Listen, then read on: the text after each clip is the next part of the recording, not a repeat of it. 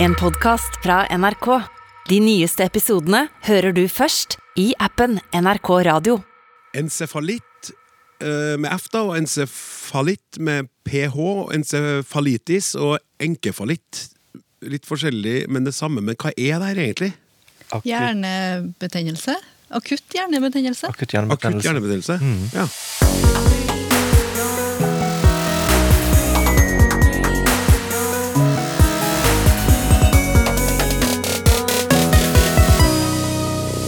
Mangelen på et eh, felles helsespråk i Norge gjør at pasienter kan få feil diagnose, feil medisin og feil behandling. Men nå er det satt i gang et prosjekt som forhåpentligvis blir et botemiddel mot det her. Hjertelig velkommen til Språksnakk, hvor vi i tillegg til å få vite mer om en svært omfattende og utrolig viktig helsemessig språkvask, også skal se nærmere på det faktum at mange barn tyr til østlandsk når de leker. Vi har fått brev fra en svensk lysnere. Vi skal selvfølgelig by på lytterspørsmål, mens sakprosaforfatter og prisvinner Katrine Sele er ukas gjest i Ut med språket. Kanskje har du opplevd det sjøl. Kanskje har du hørt historier om pasienter som blir feilmedisinert, får feil diagnose eller ikke blir behandla på riktig måte. Det er litt sykt å tenke på at det her kan skyldes at de ulike spesialistene og institusjonene ikke snakker samme fagspråk. Mona Stenfeldt, du er prosjektleder i Helseplattformen, hvor et av underprosjektene er fellesspråk i helsetjenester. Og Det er et eh, nasjonalt prosjekt hvor Midt-Norge er en sånn testarena. Og, der målet er å få fastleger, helsetjeneste, spesialisttjenester osv. til å bruke det samme felles språket. Og hva, hva er liksom bakgrunnen for det her? Formålet? Helsetjenesten er veldig kompleks. Du har veldig mange forskjellige typer helsearbeidere. eh, Og utrolig mange instanser som eh, faktisk skal dele informasjon. Vi prøver da eh, gjennom dette prosjektet å få ett felles språk. Dvs. Si at alle bruker samme ordene rundt eh, behandling og utredning av pasientene. Sånn at eh, også maskiner kan lese det, og at folk som behandler og utreder pasienter, forstår det, og at meninga er likt uansett hvor man er hen i systemet. Ja, og det høres ut som det er egentlig ganske viktig at meninga er betydninga er lik uansett hvor man er i systemet. Og du har jo sjøl opplevd, eh, eller har erfaring med at det har oppstått misforståelser og rot i dagens system. Eh, Hva gikk det ut på?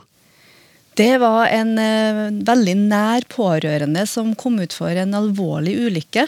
Eh, hvor eh, eh, skaden var så omfangsrik at eh, det var mange mange instanser på sykehuset som måtte være involvert i å eh, behandle de her skadene. Eh, så det, eh, det var overflytting fra avdeling til avdeling. Eh, og her ble jeg rett og slett eh, en eh, en pårørende som samla informasjon fra den ene plassen til den andre. Prøvde å få ting til å henge sammen. Prøvde også å bistå med at informasjonen som jeg oppfatta var riktig, kom videre, sånn at riktig behandling og utredning blir utført. Og det, på sykehuset så gikk det jo det greit. Eh, folk er utrolig flinke. Eh, men når man skal over til primærhelsetjenesten, altså innen kommunen, som skjer ganske fort, faktisk, etter at eh, folk er fortsatt ganske syke da, når de blir overført til primærhelsetjenesten, så er det jo lange eh, dokumenter med fritekst som må leses.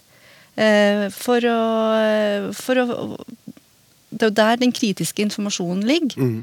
Og da, også under koronatida, hvor jeg ikke hadde tilgang til eh, den institusjonen som eh, min nære var lagt inn på, da, så fjernstyrte jeg jo. Prøvde å høre intervju. Hva har dere gjort? Hva har dere lest? Eh, opplevde at de ikke hadde fått med seg viktige ting. Og det ble jo så kritisk at, eh, at det ble hasteinnlegging igjen på sykehuset, for da sto det om liv og død igjen. Oi. Ja. Men hvordan kan det ha seg egentlig at denne vitale informasjonen ikke følger pasienten gjennom hele sykdomsbildet? Jeg, jeg skjønner ikke helt. Hva, hva er det som skjer? Det er, det er flere ting, men én ting er jo at vi har, eh, som sagt innledningsvis, mange helseprofesjoner snakker om de samme tingene, men på litt forskjellig måte. Mm. Dette her, eh, eh, dokumentasjonen da, som skjer rundt pasienten, skjer ofte i fritekst. Og da skal det tolkes av Hva betyr det at det skjer i fritekst, egentlig? Da er det at man skriver i en journal. Det Ja. blir et fritekst i en journal som beskriver situasjonen og symptomer og viktig informasjon. Og da må det leses. Så én ting er jo den subjektive eh, innføringa i en journal, Mm. som gjøres via fritekst. Og så skal noen andre lese det og tolke det. Og, og, og det, det vet vi jo, at fra person til person da, så vil det her bli Jeg skulle til å si Det er som den leken man har. Ja. Man skal si sånne, si sånne setninger rundt et middagsbord. Sånn selskapslek, viskeleken. Bare der. Mm. Og her er det masse informasjon, og det flytter seg, den Ja. flytter seg i, Ja. i ledd etter ledd. Så den her kulturen som, eh, som er eh, med å forklare ting på sin måte innenfor de forskjellige helseprofesjoner altså En eh, fysioterapeut sier én ting om noen ting, en lege sier kanskje noe annet om den samme tingen, og så er det forskjell mellom spesialistene også. Og så er det de her systemene da, som det her skrives inn i. De snakker, det, er jo, det er jo øh, tekniske system. De klarer jo ikke å lese fritekst. Altså En datamaskin klarer ikke å lese fritekst. Nei. Så det må et menneske til for å skrive, og må et menneske til for å lese. Og det skrives inn i forskjellige tekniske systemer som da er separat fra hverandre. Men kan, altså, kan eksempel et magesår bli noe annet enn et magesår når informasjon, informasjon flytter seg? Ja, eksempel en, Hvis jeg har kommet til legen, fryktelig vondt i magen eh, legen, Fastlegen min da, undersøker meg og mistenker magesår. Da kommer jeg med vondt i magen. Fastlegen sier magesår. Eh, det sendes til spesialisthelsetjenesten. Eh, den eh, spesialisten finner ulsus, som er da navnet for magesår eh, innenfor spesialisthelsetjenesten. Og så finner han også da at dette her er jo eh, akutt magesår med blødning, for han kikker ned i magen. Da skriver han det. Akutt magesår med blødning, antageligvis eh, eh, ut ifra at jeg har tatt noen medikamenter som har slitt på slimhinnene, eller noe sånt. Så skriver han masse om det. Da er jo, For det første her har vi jo sett at det samme beskrives på forskjellig måte. Han har funnet viktig informasjon og detaljer rundt denne diagnosen, da, som da skrives i fritekst, kanskje. Som da blir viktig for videre behandling. Da er jeg jo prisgitt da, at den neste leser det. Mm. Så, og, og der opp, det, det er så mange risikoer for at informasjon forsvinner da, og Ja. blir endra underveis. Ja. Eh, og det her kan jo i hvert fall få katastrofale følger, rett og slett. katastrofale følger, og det tror jeg man har eksempler på. eh, Det vet vi jo eh, at vi har eksempler på. Eh, eh, En annen ting som er, som er ekstremt eh, farlig også, er jo at gjennom at maskinene ikke kan lese informasjon fra, fra hverandre, så f.eks. legemiddellister, da. En, når du får, hvis man får legemidler for noen ting, så er det egentlig bare pasienten selv som har den totale oversikten over sine legemidler. Og du kan jo tenke seg hvis man har en komplisert tilstand som krever mange forskjellige legemidler, så skal det noe litt til for å ha den fullstendige oversikten. Er ikke bare det, men hvis du, hvis du er i noe akutt sjøl, med all den medisinen du tar, og du er den eneste som kan eh, oppgi Altså jeg tenker på meg sjøl, hvis jeg skulle ha vært eh, altså Hvis jeg er døden nær eh, og skal reddes, og folk begynner å spørre meg og jeg skal si det, eh, og kanskje ikke jeg husker det, for jeg har angst der jeg ligger, eller at jeg kanskje ikke klarer å gjøre rede for det fordi jeg får ikke å snakke, da, det er ganske skremmende da, at de ikke kan få tak i den lista, komplette lista Ja. på en annen måte enn at jeg skal si det sjøl. Ja. Og da kreves det at eh, den eh, informasjonen, altså legemidlene, er registrert med et språk som også har en maskinkode som kan eh, eh, fanges opp av de her maskinene, eller datamaskinene, og som kan sørge for at denne legemiddellista er med rundt. Da. Ja, nå Nå, nå viste du gestikulerte sånn Ja. at, det, at det ikke er sånn fin bevegelse, og da Da er det også veldig fint å kunne gå over til deg, Ole Kristian Våge, som jobber som terminolog ved Direktoratet, direktoratet for e-helse. Ja, Kan du si litt mer om hvordan det kan ha seg at det utvikler seg så uh, ulikt det her helsespråket som Mona har beskrevet nå? Mm. Eh, det som kjennetegner helsespråket, er gjerne at man bruker ulike ord for det samme. Det er for eksempel, eh, du nevner innledningsvis noen eksempler, men også ja, Thorax for brystkasse, kaput for hodet, uterus for livmor, inflammasjon for betennelse osv. Det man gjerne kaller for termvariasjon i språkvitenskapen. Og Det er litt ulike forklaringer. En litt mer historisk. Eh, vi kjenner jo til legelatin, ikke sant? Eh, at vi har latinske ord i tillegg til norske i mange tilfeller. Og det, det, skyldes jo det at eh, legevitenskapen vokste jo fram da, eh, da latin var det akademiske fellesspråket. Eh, så vi har da latin og norsk. Mm. Eh, og så er det slik at eh, leger og annet helsepersonell lever ikke et språklig vakuum. Man snakker jo norsk. Så, så det er ganske interessant. Da ser man en tendens til at latinske uttrykk begynner å få litt sånn fornorska skrivemåte. Det med thorax, for eksempel. Eh, man, man, ser at det, man begynner å skrive det med i stedet for X til slutt, så skriver man KS og tar bort en H. Så da får du Fra THORAX til TORAKS. Nettopp. Så er det ganske stor forskjell, i alle fall for en datamaskin. da. Ja, for datamaskin er det helt forskjellige ting. Mm. Det, det, det, er to forskjellige ord. det. Eh, og det er viktig å, å, ha det her i mente eh, når vi lager et fellesspråk. Eh, så det gjør at vi får en sånn flora av ulike ord og uttrykk for det samme. Den ene sida. Så har vi det som Mona var inne på også, det med, det med at det er ikke ensarta eh, yrkesgruppe, det her. Det er mange ulike profesjoner som jobber i helsevesenet. Leger, sykepleiere, ergoterapeuter osv. osv. Eh, som da har sin tradisjon med hva de foretrekker av de ulike variantene her. Og ikke minst de har også ulikt behov for presisjon. Eh, at på sine spesialistområder så må de ha litt mer finmaska, litt mer detaljert begrepsapparat for å beskrive det de, det de skal gjøre. Så du får den dimensjonen i tillegg. Mm. Så det gjør at det, det, blir, det, det blir ganske innfløkt. Mm. Ja, og jeg tenker, det er jo veldig viktig selvfølgelig at hver eh, profesjon har sin, eh, si, sine spesifiseringer også. Og ofte når man jobber sammen, altså ansikt til ansikt, så klarer man Mennesket klarer ofte å, å avklare hvor, hva er det man mener. Det er når man skal ha inn datamaskiner også, at, og man eh, tenker seg at det her digitale økosystemet blir viktig for støtte da, til den tjenesten som skal gis, så må man sørge for å få det her entydig. Men i tillegg bevare eh, profesjonene sin mulighet til å si det de mm. mener ja, og, og syns er riktig. da. Ja. Hvordan har dere gått fram da, Ole Kristian, for å etablere denne felles fagterminologien? Mm. Ja, det vi har gjort, er at vi har slags innført et, um, et fellesspråk gjennom noe vi kaller for SNOMED CT. Hva kalte du det? SNOMED CT.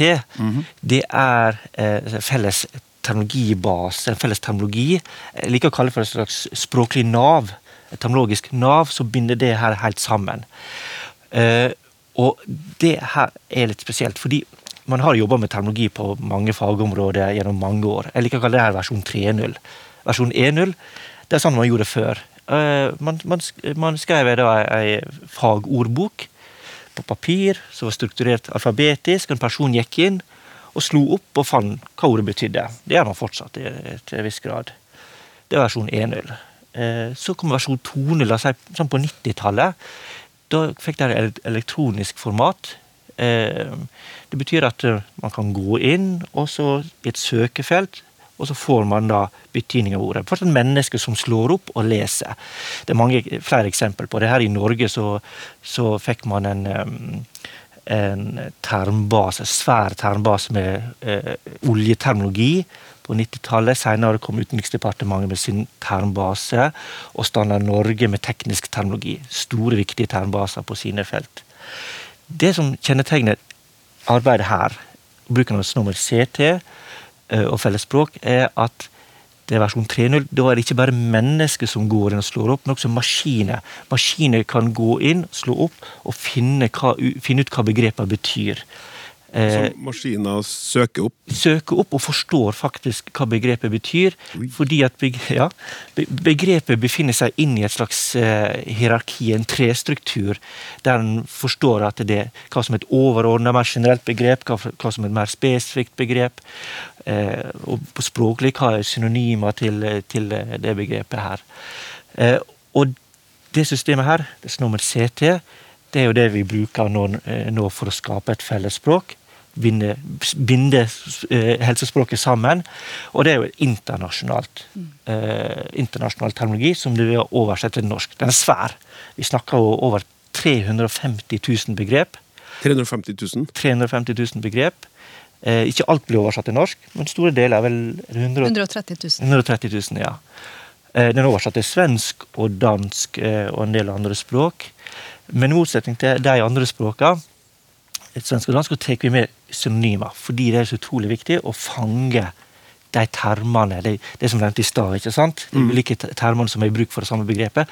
Og fange for at det skal være et gjenkjennelig språk for helsepersonell. Men hvordan har dere hvordan og hvor har dere funnet alle ordene? Hvordan har man, hvem har gjort hvem har gjort den jobben? Det høres ut som en ganske stor jobb? Ja, det er, stor, det er mange involvert her. altså. Det er oversettere og det, og det er fagfolk, klinisk personell. altså. Men vi, vi, vi, har tydd litt av en språkvitenskapelig eh, metode eh, og laga det man kaller for et tekstkorpus. Altså en stor tekstsamling av helsefaglig litteratur som vi da tråler gjennom og søker for å se hvilke ord som er i bruk.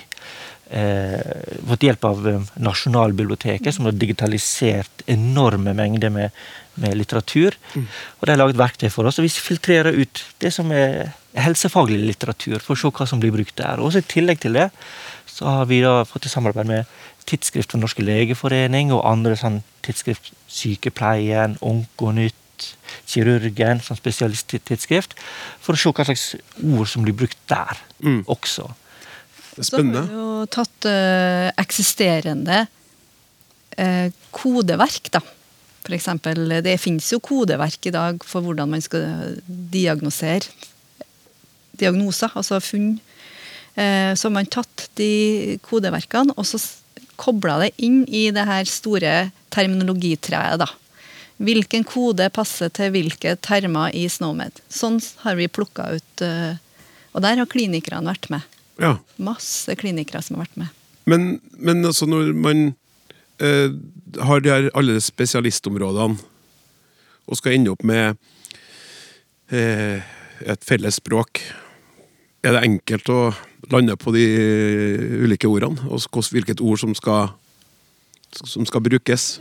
Nei, det er ikke enkelt. Eh, naturlig nok. Så, eh, hel, så helsevesenet består av eh, veldig mange dyktige, veldig godt skolerte mennesker som har kultur, kompetanse, og har dermed utvikla, selvfølgelig, som vi har snakka om flere ganger, sin måte å uttrykke ting på. Som er mhm. knytta opp mot helt sånn eh, anatomi, ikke sant, sykdomslære.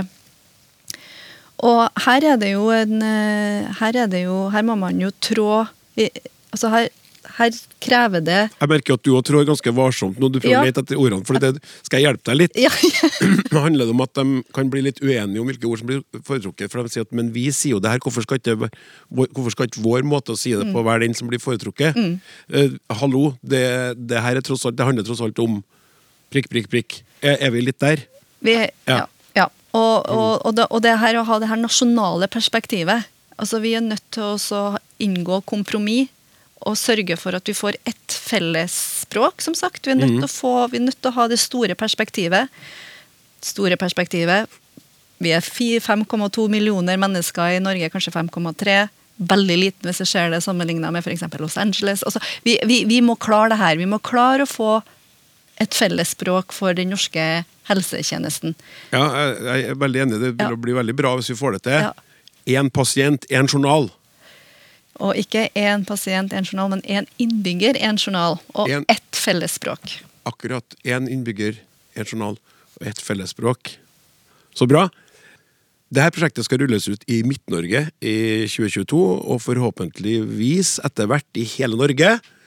Eh, Tusen takk skal dere ha, prosjektleder i Helseplattformen Mona Stedenfelt, og terminolog ved Direktoratet for e-helse Ole Kristian Våge, som kommer tilbake mot slutten av sendinga for å svare på et lytterspørsmål. Men nå, mine damer og herrer, skal vi over til et helt annet tema. Språksnakk med Klaus Sonstad. Litt avhengig av hvor i Norge du bor, så er det godt mulig at du har lagt merke til det fenomenet som vi skal snakke om nå, nemlig det at mange barn bytter til østlandsdialekt når de leker. Mine barn har gjort det. Jeg gjorde det. Ikke et skritt lenger, din svinepels, du er ferdig som en sviske!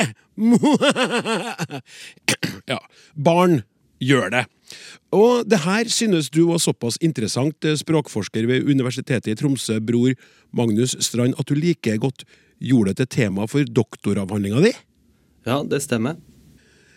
Akkurat hva du undersøkte her, det skal vi snakke om, men først, hva er det ungene i barnehagen i Tromsø, der du gjorde feltarbeidet ditt, egentlig gjør når de leker rollelek? Nei, først forhandler de jo litt om eh, eh, roller og, og situasjoner og hva leken skal dreie seg om. Gjerne typisk sånn i fortid, eh, fortidsform, ikke sant. Så var jeg pappaen, og du var mammaen, og så var det, så var det frokost. um, og så bytter de til selve leken, der de er dokkene da særlig, i det tilfellet der jeg samla data. Eh, og da bytter de konsekvent da, mer eller mindre til ja, noe som høres ut som østnorsk. Så, så det er sånn at forhandlingene, eller den diskusjonen først, den foregår på egen dialekt, Ja da. Mm, og så slår man over. stemmer. Har et lydeksempel her som eh, illustrerer det ganske godt. Skal vi rett og slett bare høre på det med en gang? Hvem vil lage den tegninga til deg, Mikkel? Ja, hvem har laga den tegninga til deg, Mikkel? Blir det sagt her på ganske tydelig nordnorsk. Og så skal vi høre leken. Hvem har laget den tegningen til deg, Mikkel? Samme, samme person, bror? Samme Det barn? stemmer. Samme person, en ukes mellomrom, eh, og nesten samme tekst. Og ganske stor forskjell. Ja, det er jo veldig stor forskjell. På, påfallende stor forskjell. Hva, hva er det egentlig du har undersøkt i doktorgradsarbeidet ditt? Nei, det jeg ville finne ut, var hvor i anførselstegn flinke de er i østnorsk. Eh, altså hvordan ser rent språklig og strukturelt eh, det rollelekregisteret, som vi kan kalle det for, ut. Eh, altså hvilke trekk fra østnorsk bruker de, hvilke trekk bruker de kanskje ikke like konsekvent. De, hva kommer først? Er det intonasjon først? Er det jeg først? Eller er det andre, andre trekk fra den østnorske dialekten som blir brukt først, da? Mm. Og ja, er det noen rekkefølge som Hvor konsekvente er de i de østnorske formene, da? Ja, og så om det også endrer seg over tid, da? Om de Ikke sant, snakker bedre? Ikke sant? Spørsmålet er jo er dette noe som utvikler seg, eh, eller er det sånn at de bare plukker opp en form i ny og ne, og at det varierer litt om de eh, bruker jeg eller jeg, eller østnorsk eller nordnorsk intonasjon, at det er noe som de forhandler liksom fra gang til gang, eller er det noe som de eh, ser ut til å bli flinkere i da? Og det ser det ut til at de gjør, sånn at de blir mer konsekvente i bruken av de østnorske, kan vi si, i hermetegn, formene. Så det handler det om at de blir mer så Jo mer tryggere de blir i leken, jo bedre blir språket? Sannsynligvis, da. Sannsynligvis noe sånt. Eller at de bare med øving blir flinkere i, eh, i den eh, varieteten, da. Ja. Gjør de mer enn å bare endre på ordene, da? Ja, de endrer på De bruker hele, de bruker hele apparatet sitt, holdt jeg på å si. Eh, alle de språklige og utenforspråklige ressursene de har, bruker de kreativt. Eh, sånn at de, Du hørte jo intonasjonen på eh, i opptaket. eh, Bytte fra nordnorsk til østnorsk intonasjon. Så bruker de òg stemmen veldig kreativt. Eh, og veldig typisk så er det at eh, stemmen blir litt, ofte litt lysere i rollelek. Og det hørte vi jo i opptak òg, at stemmen var litt lysere i Hørtes litt lysere ut i, eh, i rollelekregisteret da. Men er det Eh, konsekvent sånn at det blir lysere i i- Nei da. Nei, nettopp. Absolutt ikke. Det er ikke sant. Det varierer fra rolle til rolle. sånn at Brannmenn kan ofte få en mørk stemme da. Eh, at de går litt ned i toneleie på når de skal leke brannmenn. Blir- Brannmenn skal jo være litt alvorlige og kanskje litt maskuline. Kanskje stereotypien, ikke sant. Eh, så de gjør ofte Kanskje de til og med har litt sånn grumsete stemme. 'Jeg kommer!' Ikke sant? Og så videre. Og så bruker de òg andre, ikke bare stemmen, eller pitch, da, men de eh, tilpasser òg taleorganene på andre måter. og Det kan man teste sjøl, at hvis man tar leppene litt sånn fram, og runder de litt, så høres det mye mørkere ut med en gang. Ja, Jeg kommer! Det er sant. Det er sant. Jeg har sett Ja. gjør, gjør det samme nå, og det merkes jo veldig stor forskjell, faktisk. Ja, og tilsvarende Det er typisk brannmenn, da, at, man, at ungene benytter seg av det for å kanskje høres mørkere og mandigere ut da, som brannmenn. Så Motsatt så kan man sette tungen veldig langt fram i munnen, Ja. og så høres man veldig lys og liten ut. Ja, Da blir det lysere med en gang. Og det, eh, det er sånne triks som ungene benytter seg av da, i, i leken, for å gestalte disse her ulike rollene. Om det er brannmann eller den som sitter på taket og må reddes ned av brannmannen fordi huset, dokkehuset brenner. Da, da gjetter jeg på at den personen har lysere stemme. Ja, ikke sant? Det er jo kjente stereotypier fra, fra hva skal vi si, Film og TV. film og TV, populær kultur og egentlig kultur opp gjennom historien. Men, men det må være spennende å observere det her eh, som språkforsker uansett. Ja, ja, det er veldig interessant materiale. Det er veldig kjekt å jobbe med. Og kjekt for oss at du har uh, tatt opptak. Vi skal høre et uh, lite lydklipp til her av uh, noen som er ivrig i leken. Altså et lite menneske som egentlig er da fra Tromsø, som snakker østlandsk.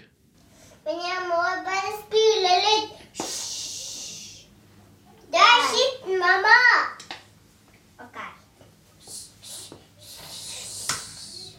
Nå er det og fin. Nå må du tørke deg.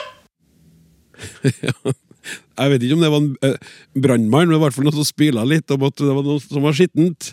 Ja, jeg tror det, der er det litt, kanskje litt sånn bytte mellom ulike brannmann og ikke brannmann og Ja. og bestemor òg. Men eh, hvorfor er det egentlig østlandsdialekt de bytter til, og ikke noe annet? Det er et veldig interessant spørsmål, og det er liksom Det er ikke så veldig lett å, å svare på, da, sånn umiddelbart. Hvorfor akkurat østnorsk? Eh, og den vanlige teorien er jo eh, at det kommer fra barne-TV. ikke sant? Barne-TV er ofte på, eh, på østnorsk. Eh, men dette er jo noe som er mye eldre. Så mine Ja. besteforeldre har, sier de har gjort dette her, og andre besteforeldre som har Eller andres besteforeldre har òg eh, fortalt at de har bytta til østnorsk i rollelek. Så det er helt åpenbart noe som er, kommer forut for det moderne barne-TV, ikke sant. Ja. Eh, Så det er, selv om det jo kan være en sammenheng, så kan ikke det være den eneste forklaringa. Så det må være noe, noe mer. Men det er vanskelig å, å teste eh, vitenskapelig da. Og så finnes det jo òg Jeg har jo hørt anekdoter om, om at unger har brukt andre dialekter og andre språk. Det var nylig en sak om unger som brukte engelsk i NRK. Det har ikke jeg funnet i mine, mitt materiale da. Nei. Men der er det jo mye forskning som, som gjenstår, åpenbart. Men uansett eh, østlandsk eller eventuelt engelsk, da, kanskje, men hvor- hvor- hvorfor gjør unger det her? Altså bytte om. Hvorfor, hvorfor gjorde jeg det, bror, da jeg var liten? Ja, et godt spørsmål. Eh, nei, det er jo kanskje det det er spekulert og pønska mest på når det kommer til, til rollelekspråk, da. Hvorfor unger gjør det. Og den typiske forklaringa er at det er en slags annethet som ungene ikler seg, da. De skal signalisere eller symbolisere at de er noen andre enn den de vanligvis er i barnehagen. Eh, nå er jeg ikke meg sjøl i barnehagen, nå er jeg brannmann eller eh, eller bestemor. Ja, og det er jo veldig tydelig eh, og effektivt å da bytte språk. Du har så langt studert unger kun i Tromsø. sjøl om man vet at det her skjer flere steder.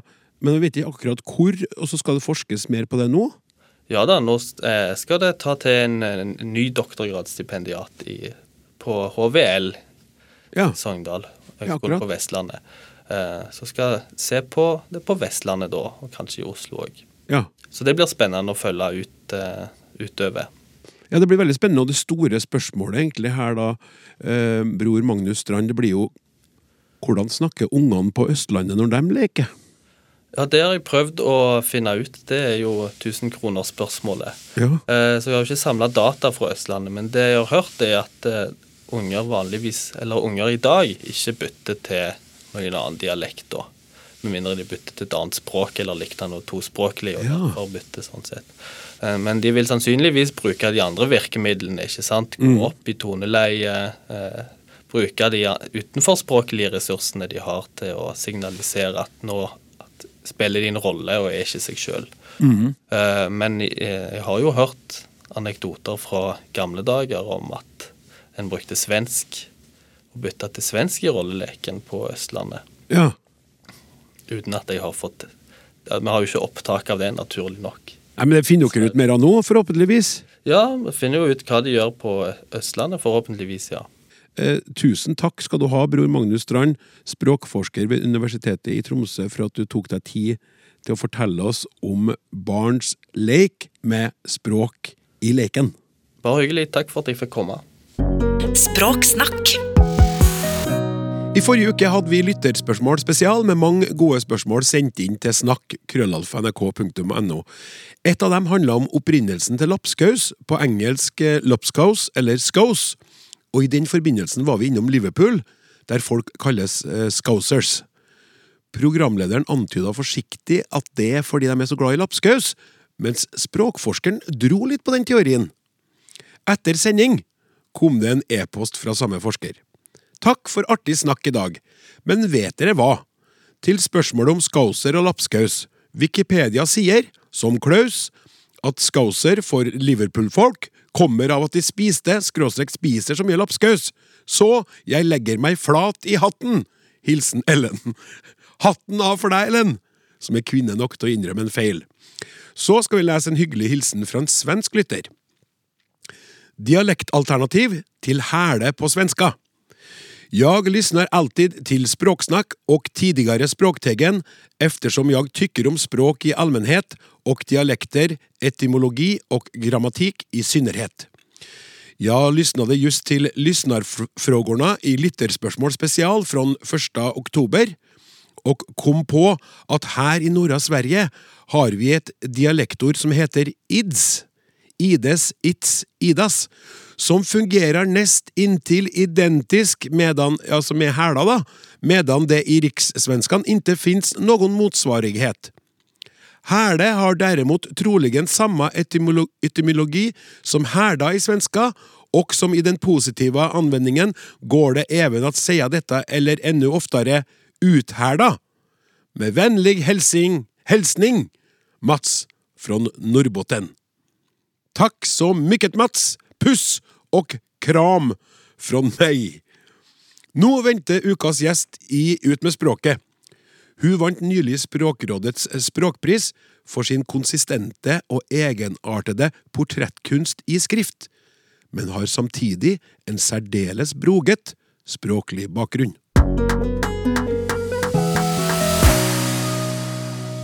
Forfatter og journalist Katrine Sele, velkommen til oss. Tusen takk. Og ikke minst gratulerer så mye med Språkprisen for 2021. Du har fått Språkrådets eh, språkpris, som har en pengepremie på 100 000 kroner. Ja, Ja, det, det var kjempestas. ja det Helt fantastisk. Ja, altså, det å vinne en sånn pris i seg sjøl, men de skriver jo så fine eh, ting om deg, og jeg må lese opp litt her fra begrunnelsen. Det ligner et paradoks at en som selv er så diskré til stede i bøkene hun skriver, samtidig gir fortellingene et så personlig avtrykk, men leseren skjønner raskt at den stillfarende fortellermåten er sel selve kunststykket. Ja, det var kjempefint. Ja, det var jeg ble veldig så glad for når jeg leste det. Ja. Og så må jeg, jeg må dra det litt videre for at uh, lytterne skal bli litt mer kjent med deg, da, i hvert fall skrivinga di. Hvis de ikke har lest noe av det du har laga, eller uh, utgitt. Hun er en uredd og følsom forteller.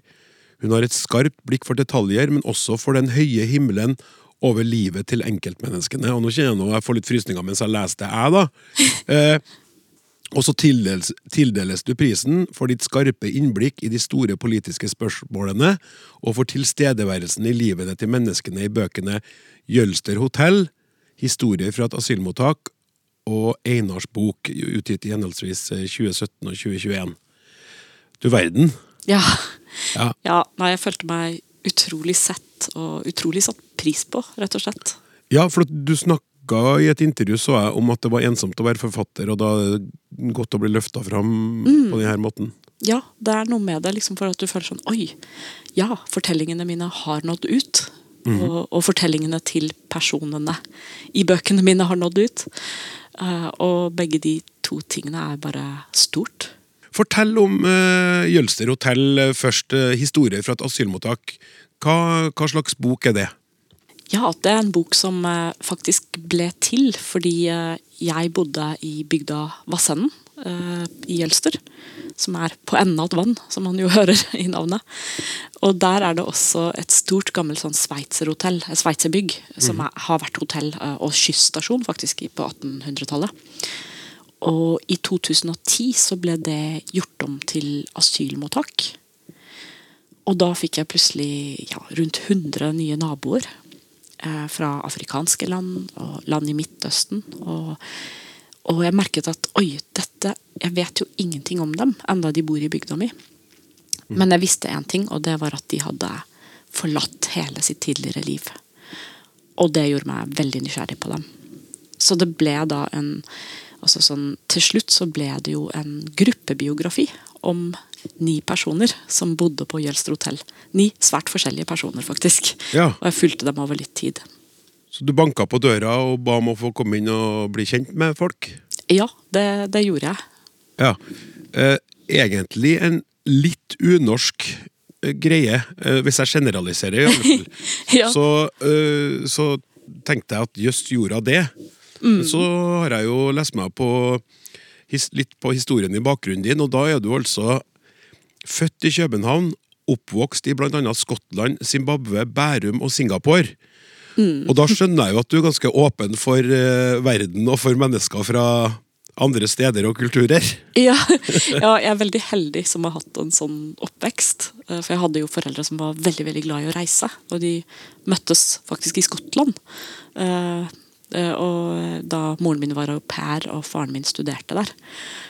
Sånn at det var liksom en sånn grunnavtale for dem. Og derfor så fikk jeg jo sett veldig mye eh, i oppveksten. Og det, det hjelper, ja. Det, jeg er helt sikker på det hjelper når jeg skal møte personer, at, at jeg syns det er lettere. Ja, fordi mange vil jo være nysgjerrig på, på det hotellet eller det asylmottaket, hotellet som ble asylmottak, men kanskje ikke så mange som hadde tatt sjansen på å gå bort og banke på og ønske, og ikke minst vite mer og sette seg inn i de her menneskene sine liv. Ja. Ja, nei, det, det kan jo stemme. Um, og faktisk så var det ikke helt så lett som jeg hadde trodd. Uh, Nei. For jeg tenkte jo liksom Oi, dette er jo naboene mine. De bor bare to kilometer unna meg, og ja, det, dem skal jeg nå lett bli kjent med. Uh, men saken var den at jeg, jeg agerte jo veldig som journalist når jeg gikk inn der først. Uh, jeg ba om intervjuer og, og stilte en masse spørsmål. Og da ble faktisk folk på asylmottaket litt redde for meg. Eh, Ja. For de kunne jo ikke på en måte Altså, de visste ikke hvem jeg var. Eh, og de kunne ikke helt være trygge på det. Og, og faktisk var det mange av dem som lurte på om Det fikk jeg siden vite. De lurte på om jeg var fra myndighetene. Og liksom, om, når du ikke har fått asyl, så kan du jo bli litt redd for å skulle svare på en hel masse spørsmål. Ja, og ikke minst og redd for å svare helt ærlig. Du, tenker, du, du får baktanker, Ja, eller tenker at kanskje du har det, at du er ute etter noe. det var akkurat det. Ja. Så jeg måtte faktisk finne en helt annen metode. Um, og det, det jeg gjorde da, var at uh, Og det var de som Altså, Norsk Folkehjelp drev mottaket. Og de, de hadde så lyst til at jeg skulle få til å skrive en bok, for de mente jo at uh, oi, nordmenn vet jo ikke så veldig mye om hvordan det er å være flyktning eller asylsøker i Norge. Uh, så de bare sa ja, men du kan jo få jobbe her frivillig hvis du vil. Um, så da gjorde jeg det. Jeg begynte å jobbe frivillig i resepsjonen. Um, En smart plass å ja, Veldig smart, fordi det var, det var en gang i uken i tre timers tid. Eh, og da bare sto jeg der og, og delte ut kaffe og post. eh, og rett og slett pratet veldig mye med folk. Og spilte ludo med dem òg. Så det var da, da ble vi kjent, og da kunne jeg jo etter hvert begynne å spørre liksom, oi, kunne jeg, For de visste jo at jeg også ville skrive en bok, det hadde jeg fortalt. Da kunne jeg etter hvert også spørre oi, eh, kan jeg få snakke mer med deg? Eh, vil du være med i boka? Hvilken opplevelse har du inntrykk av at de som ble med i boka, øh, hadde etterpå? Um, ja, altså det var mange av dem som veldig gjerne ville at vi skulle forstå historiene deres. Um, og eh, det var viktig for dem, rett og slett. Uh, fordi de følte seg på en måte sånn veldig på siden av samfunnet. da. Uh, de følte seg ikke sett. Sånn at jeg har følelsen at de altså sånn, Det er ikke alle som har uttrykt det så direkte til meg, men, uh, men at de følte det var viktig at historiene deres nådde ut, og at stemmene deres ble hørt. Ja. Um, her, den her boka heter jo egentlig altså en- Ettertittelen den andre tittelen, er jo 'Historier fra Eit asylmottak'. Jeg sa jo ett, jeg. Ja. For vi må innom skrivespråket ditt. og så har vi lista opp den her eh, bakgrunnen, eh, alle stedene eh, i verden du har vært som ung. Hvordan er det med skrive, skrivespråket ditt, altså det norsk, norske skriftspråket? Hvor er du der? Ja, jeg har jo hatt en veldig sånn nesten litt sånn nomadisk språkidentitet. For jeg har jo flyttet mye, og så har jeg dansk mor og, eh, og ja, halvt engelsk far. Og så har jo mye av skolegangen min vært på engelsk. Ja. Eh, Sånn at jeg hadde lange perioder, særlig i tenårene, hvor jeg faktisk ikke brukte norsk noe særlig. Altså Jeg hørte det jo og sånn, og leste det, men jeg brukte det ikke selv. Eh, Sånn at Ja, så det har vært en veldig sånn veksling, da. Eh, Og jeg husker da jeg begynte på journalistutdanning midt i ja, sånn i 20-årene, så hadde jeg vært veldig lenge borte fra det å skrive norsk. Så da, da lurte lærerne mine der på liksom, hm, hva slags bakgrunn har du egentlig? For det var noe veldig rart med språket mitt. Ja. Kunne ikke helt si hva det var. Nei, for du, du sa at du har dansk mor og halvt engelsk far, som, er, som da snakker norsk. Ja. Men når du er sammen med mora di, så Ja, altså Når jeg er i, med min mor og far og min bror, så snakker jeg alltid dansk. Uh, selv om egentlig er det jo bare moren min som da svarer meg på dansk. Ja. sånn at selv hvis jeg, hvis jeg skulle ringe min bror nå, så selv om han snakker norsk til meg, så vil jeg snakke dansk tilbake til han. Som er veldig rart, men det er bare det at det er det jeg er vant til å snakke i, ja, i min familie som jeg vokste opp med. Så er det det som er språket. Ja. Men skriftspråket ditt, altså du snakker jo et slags eh, Ja, eller et slags, du snakker jo bokmål. Veldig sånn tydelig Men du skriver jo på nynorsk når du Ja. skriver bøker. Det gjør jeg. Og det, det, det skjedde ved at jeg, jeg flyttet jo til Vestlandet uh, da, jeg var, ja, da jeg var ferdig utdannet. Og min første jobb var jo i Firda, som er en uh, avis redigert på nynorsk. Og da var jeg i 15 år. Uh, Var, sånn at var dere 15 år? jeg var der i 15 år. Ja. Uh, sånn at det er jo uh, det lengste jeg har vært en plass, og det lengste jeg har holdt meg til ett språk. ja. Og da, da ble jo nynorsk mitt profesjonelle språk, da. Ja. Og siden det så har, har jeg bare holdt fast ved det, selv om nå har jeg en annen jobb. Nå jobber jeg med kommunikasjon på Høgskolen på Vestlandet. Og der kunne jeg jo valgt om jeg ville skrive bokmål eller nynorsk, men da føler jeg meg absolutt tryggest på nynorsk. Eh, når jeg skal skrive, altså. Mm. det føles som på en måte Når det er noe profesjonelt, så er det nynorsk for meg. Nettopp for da vi teksta sammen for å avtale det her intervjuet, så Mm. kom den tekstmeldinga på bokmål. Ja, det stemmer. Fordi bokmål er mitt private språk. Fordi det ligger mye tettere på hvordan jeg snakker. Så hvis jeg skriver e-post eller SMS, så, så er det naturlig for meg å velge bokmål. For da føler jeg det som, som jeg snakker. Ja, så det Du slår om til dansk når du snakker med broren din som er norsk, eller Ja. mora di som er dansk, eller Ja. faren din som er norsk. Ja. Du hadde lettere nesten for å snakke engelsk da du dro tilbake til Norge, Ja. enn å snakke norsk, og du skriver øh, profesjonelt på nynorsk, men du Mm. skriver privat på bokmål. Ja.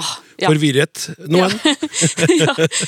Det er akkurat som hvert språk har sin egen funksjon. Ja, ja, ja. Ja. Og, du, og du, det virker jo som om du øh, veksler greit mellom det, for du har jo ikke noe islett nå av uh, verken dansk, så vidt jeg hører, Nei. Eller si vestlandsk? Nei, eh, nei, det har jeg ikke. Um, og jeg tror jeg har beholdt mitt østlandske tonefall. Det tror jeg òg. ja, fordi det er en sånn ting som kan være litt vanskelig av og til for folk med tonefall når man bor lenge en plass. Men, mm -hmm. uh, men ja, jeg tror det er det at språkene har forskjellige Altså jeg går inn i forskjellige modus når jeg bruker forskjellige språk. Mhm. Hva betyr den fortellerstemmen som er på nynorsk for deg? da? Hva, hva gjør den med dine historier, de menneskene du presenterer i bøkene dine? Ja, det er et interessant spørsmål. Um, jeg tror det har jo altså sånn Siden jeg skrev så mye om nærmiljø som journalist, altså siden jeg jobbet i Firda, så skrev jeg jo aller mest om sunnfjordinger. Folk fra Sunnfjord. Og det betydde at altså sånn, Det syns jeg var veldig fint, for da, da var jo språket mitt eh, nært dem jeg skulle skildre. Ja. Og det merker jeg at fra tekst til tekst og fra bok til bok, så har jeg ikke på en måte hatt en bestemt idé om, om en skrivestil. Eh, Jeg har ikke sånn på en måte satt meg ned og tenkt f.eks. jeg skal skrive enkelt, eh, selv om jeg vet at, at på en måte det gjør jeg nok. Eh, Men, men jeg har alltid tenkt at når jeg skriver, så vil jeg at eh, fortellerstemmen min skal eh, være knyttet til det jeg skriver om. Personene jeg skriver om. Og jeg vil på en måte gjenskape deres språk og, og stemningen eh, rundt dem. Så hvis jeg skriver om et barn, så, sånn som i Einars bok, så blir jeg veldig opptatt av barnets verden. Og at språket mitt må reflektere det. Eh, og eh, ja, eh, og selvfølgelig når jeg skrev om historier her fra Sunnfjord, så føltes det veldig bra å kunne skrive på nynorsk. For det, lå liksom, det var jo denne kulturen, og det var jo den måten folk snakket på her. Ja. Men, men du må fortelle litt om Einars bok, da. Eh, og når jeg sukker når jeg sier det, så er det jo for at det er et veldig sånn Det, det er jo et, et, et, et trist tema. Ja. Eh, og så men, men likevel, det er viktig. Eh, så kan du si Den kom ut i år. Mm. Fortell hva slags bok det er. Eh, du har jo sagt litt om den fortellerstemmen der nå, da. ja. Eh, for det her er jo et lite barn. Mm, det er det. Einars bok handler om eh, Einar eh, Prestøy Sandsund. Som var en gutt som eh, eh, bodde ute i Dale i Sunnfjord. Eh, og foreldrene hans, Miriam Prestøy Lie og Torkil Sandsund, de er eh, teaterregissører. Så det er en ganske kunstnerisk familie. Eh, og Einar er den yngste da, av tre barn. Um, men han, altså med han så fant de tidlig ut at han led av en veldig alvorlig arvelig eh, sykdom som heter MLD. Som egentlig gjør at når, når du oppdager den i småbarnsalder, så betyr det at det barnet kommer til å ha et veldig kort liv. da. Og det har den effekten at kroppen egentlig ganske raskt brytes ned. Altså, eh, han mistet evnen til å spise, snakke, gå. Han ble etter hvert helt lam. Og han mistet også veldig mye av mimikken sin. Um, og da han var eh, fire og et halvt år og en dag gammel, da, da døde han.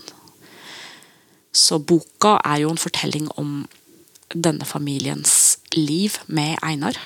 Um, så det er, jo, det er jo rett og slett også en biografi da, om et lite barn. Så jeg går veldig dypt inn i, i barndommen og hva var det som gjorde hans liv stort. Eh, men det handler På en måte så er det jo også historien til oss alle, da. Eh, for jeg går jo veldig inn i altså hvordan, hvordan kan vi tåle tilværelsens tap? Eh, og da tenker jeg alle mulige tap. Altså vi skal Det er så mange ting vi skal miste i livet eh, underveis. Eh, ingenting forblir jo det samme. Det er jo en sånn veldig grunnleggende side av det å være menneske, og en veldig vanskelig side. Eh, og det største tapet til slutt er jo døden. Vi skal miste hverandre. Eh, og hvordan kan vi egentlig tåle det? Hvordan kan vi leve med det? Ja. Det er godt spurt. Og jeg må nevne at du også har skrevet annet en bok om Kenneth Sivertsen, som jo uh, fikk et trist endelikt òg. Ja. En fantastisk kunstner og musiker som, ja, som ble et slags uh, bilde på sladrepressens verste, verste uh, sider. Um, men det er altså sårbare ting og skjebner Ja. du tar tak i og er eh, interessert hvorfor er du så interessert i det? Hvordan klarer du å stå i det her Ja. Altså, jeg tenker den asylboka, da. Mm. Den er sikkert også håpefull. Eh, Mm. Og byr på andre ting, men det er skjebner der òg. Ja, Og er sterke historier med mennesker som har havna et helt annet sted enn der de kanskje egentlig har lyst til å være, osv. Og, og oppi der går du. Ja. ja, det er veldig spesielt. Jeg har også tenkt over det. Liksom, hvorfor ender jeg alltid opp med de, eller veldig ofte opp med veldig sårbare historier? Um, men jeg, jeg tror på en måte når jeg skriver en tekst, så eh, Når jeg skriver en historie som jeg selv velger, så, så er egentlig alltid utgangspunktet eh, det samme spørsmålet, og det er eh, hvordan er det å være deg? Og det syns jeg er et veldig, alltid et veldig interessant spørsmål. Um, og jeg må si at etter erfaringen min som lokaljournalist, og også som sakprosaforfatter, så, så, så syns jeg at min hovedoppdagelse er at hvert eneste menneske har en livshistorie som bare Ja, som er stor, da. Og som bare kan få deg ned på knærne. For alle har vært gjennom noe, og, og alle har liksom sine store opplevelser og sine vanskelige opplevelser og, og sin bestemte måte å, å se på verden på. Um, sånn at ja, det er rett og slett livshistorier som virkelig tiltrekker meg. Og, og jeg tror at kanskje jeg spesielt syns det er interessant hvis jeg møter et menneske som har hatt e- et veldig annet liv enn meg selv. Uh, og andre erfaringer. Og, og også hvis de på en måte har måttet komme gjennom noe vanskelig, blir jeg nok ekstra interessert i dem. Fordi livet er jo ganske vanskelig å leve. sånn at jeg er egentlig alltid ute etter å høre hvordan andre gjør det. Eh, Hvordan de egentlig klarer seg. og sånn for eksempel da, da, jeg, da jeg jobbet med Jølster hotell, så hadde jeg nok en helt spesiell motivasjon også. fordi eh, det ene var jo at dette var naboene mine. Og, og liksom som lokaljournalist så er du jo veldig trent i å oppdage spennende ting og mysterier i nærmiljøet ditt, og ting du ikke vet som du vil undersøke nærmere. Men det andre var jo at eh, mens jeg holdt på med den boka, så var jeg jo faktisk midt oppi et ekteskap som holdt på å gå i stykker. Okay. Og, og mens jeg skrev, faktisk, så, så flyttet jeg fra mannen min, da. Ja. Eh, og dette ble jo en del av historien. Um, og det som jeg tror skjedde med meg da, var at jeg, jeg følte på en type hjemløshet. Og jeg følte på en usikkerhet i forhold til fremtiden. Som selvfølgelig var veldig mye mindre enn det asylsøkerne hadde. Det var en helt annen situasjon. Men det var likevel noen lignende følelser. da, Noen av de samme følelsene. Og, og derfor fikk jeg veldig behov for å diskutere med andre mennesker. ja, Hvordan føle seg hjemme i verden etter en livskrise. eh, Etter et brudd. Etter noe har skjedd i livet ditt som forandrer det grunnleggende. da. Og da hadde jeg jo lyst til å spørre flyktningene om det, fordi de sto jo midt oppi det. Og, og de hadde faktisk mange forskjellige svar til meg på akkurat det. Ja. Så det- ble, et, det ble et ganske så personlig prosjekt i tillegg, da. Ja, ja Det gjorde det. Og det er jo det som er så spennende når du går inn i livet til enkeltpersoner. Eh, Fordi liksom alltid, alltid så vil de livene reflektere større spørsmål. Altså Enten sånne store eksistensielle spørsmål som hvordan tåle tap, hvordan føle seg hjemme i verden. Men også sånne store politiske spørsmål. Sånn I tilfelle av Jølster hotell så var det jo spørsmål om hvordan tar vi imot folk, og hva slags asylpolitikk fører vi, og hva slags asylpolitikk er det i Europa. Um, sånn at det var jo også de store spørsmålene i vår tid, da. Og det er jo Sånne prosjekt kan jo fort ramle sammen hvis blandinga av denne personlige det personlige du, du skal ha inn, og alt det andre ikke Ja. ja men, men i ditt tilfelle så gikk det jo veldig bra. Ja, jeg, men jeg var litt redd for å gjøre det, for jeg tenkte sånn, å nei. Ja. Liksom, Det var jo på en måte Ja, med en gang du, du tar frem noe sånt personlig, så ja, som du sier, det er liksom um, Det er ikke sikkert det virker. Men, men så tenkte jeg oi, det er jo det som motiverer historien min, faktisk. Det er denne føl eh, altså sånn, dette med å se på følelsene våre, da. Og se på en måte liksom Hvordan kan vi løse dette problemet sammen? Ja. Og nå har du jo fått bekrefta at den, den, det valget var helt på sin plass. Det er jeg veldig glad for at det ble tatt så godt imot. For, Ja. for jeg var faktisk veldig spent da jeg ga ut den boken. Jeg tenkte det er ikke sikkert at folk syntes det der var en god idé, men eh, det kunne hende at de syntes det var litt sånn merkelig å dra frem sin egen skilsmisse når det var sånn folk som hadde opplevd så utrolig mye mer dramatiske ting. eh, Ja, men det som du sier, det, det, det, det som er dramatisk for en, det kan være mindre dramatisk for en annen, men det var jo veldig dramatisk for deg. Det var det. Så, var men nå skal du få være personlig igjen. Nå har vi kommet fram til det ene faste spørsmålet. Ja. Eh, Katrine Sele, ut med språket. Hva er ditt favorittord? Mitt favorittord er eh, tjern. Tjern? Ja. Å? Så Ja, det- fortell. Ja, eh, altså For det første liker jeg jo lyden av ordet. Fordi det er jeg veldig opptatt av med språk. Det, og når jeg skriver, tenker jeg veldig mye på lyden av stemmer og, og rytme og musikk. da. Eh, For jeg har bakgrunn også med å spille mye piano, så jeg tror det har noe med saken å gjøre hvordan, hvordan jeg tenker på språk også. Um, og så er det det å ha lyden av mange forskjellige språk. Da lytter man jo også ekstra til det, tror jeg. Eh, Men tjern nei, det er et veldig fint ord, rett og slett. Jeg liker sånn med i. Fjord er også veldig fint. Eh, Men tjern, det er litt sånn Det er jo også på en måte assosiasjonene med det ordet, da. Ja. Eh, Og jeg tror, for jeg er ganske sikker på å huske på at dette er et ord jeg lærte sånn forholdsvis sent i livet. Eh, For jeg kom jo først til Norge da jeg var sånn rundt seks år, og før det var det bare dansk og engelsk. Sånn Tjern er et veldig norsk ord. Det fins ikke på dansk. Nei. Um, og jeg husker jeg hadde en bok som het I brønnen og i tjernet, tror jeg. Som er en gammel norsk barnebok. Og så er det liksom et eller annet mystisk med da sånn et, et, et lite vann midt i en skog. Ja, absolutt. Og ikke minst den dødens tjern. ja, ja, ikke sant? Tjern. Du, kan liksom, Tjern, du føler sånn ja, Hvis du svømmer i et, det Ja. gjorde jeg for et par år siden, så følte jeg liksom nesten sånn Det er en sånn voldsomt stor stillhet på sånne plasser. Og så er det sånn følelsen av å være eh, kanskje en del av det uendelige. Noe sånt. Ja. Tenker jeg. Ja, så bra. Mm. Eh, tusen hjertelig takk for favorittord og for en eh, fin prat. Selv takk. Det var kjempegøy å snakke med deg. Og lykke til videre med dine nynorske skriveprosjekter. Tusen takk.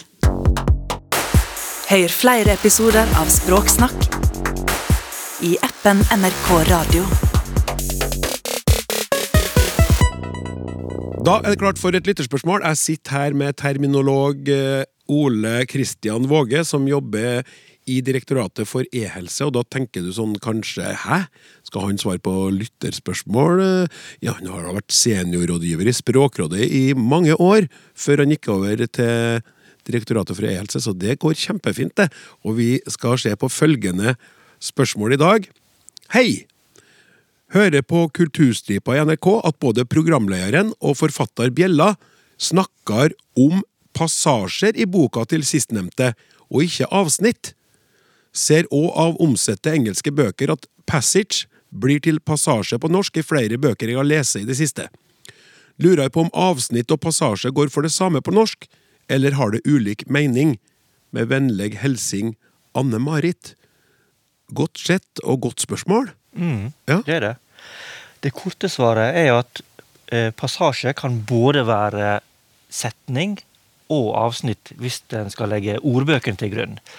Eh, og det bør vi nesten gjøre. Altså. Ja, det syns jeg vi bør. Ja, eh, men eh, min erfaring er at vi bruker vel passasje om noe mer enn bare setninger. Men av og til har vi vel kanskje behov for å være litt vage. At det kanskje ikke det er viktig eller vi ikke husker at det var ei setning eller to setninger eller et, et, et avsnitt. Så da kan det være greit å bruke passasje. Mm. Det er det korte svaret. Ja, har du et litt lengre til å by på, eller? En litt annen Ja, vi, vi, vi kan jo Det er jo et låneord fra fransk passage. Eh, som eh, betyr gjennomfart eller gjennomfartsstad. Man snakker om trang passasje, f.eks., eller smal passasje. Og, eh, og, og, og det uttrykket da har spredd seg litt til ulike områder innenfor musikk. I musikkfagspråket bruker man passasje, og også innenfor da, litteratur, som her. Eh, og så kan vi jo forestille oss, og det syns jeg vi godt kan tillate oss, boka som et sånn tekstlig landskap som beveger seg rundt i. Og der er det noen sånne områder, noen passasjer, noen gjennomfartssteder man må gjennom hvis han skal eh, ja, komme til en kjenning eller komme til slutten av et kapittel. Og sånn, da syns jeg faktisk er et, et fint uttrykk å bruke. En passasje. Så bra. Jeg, jeg sier meg enig. Tusen takk skal du ha, Ole Kristian. Språksnakk er slutt for i dag. Martin Våge, Randi Lillealteren, Hilde Håbjørg, Petter Gustavsen og programleder Klaus Sonstad håper du er med oss også neste gang. Vi snakkes. Du har hørt en podkast fra NRK. De nyeste episodene og alle radiokanalene hører du i appen NRK Radio.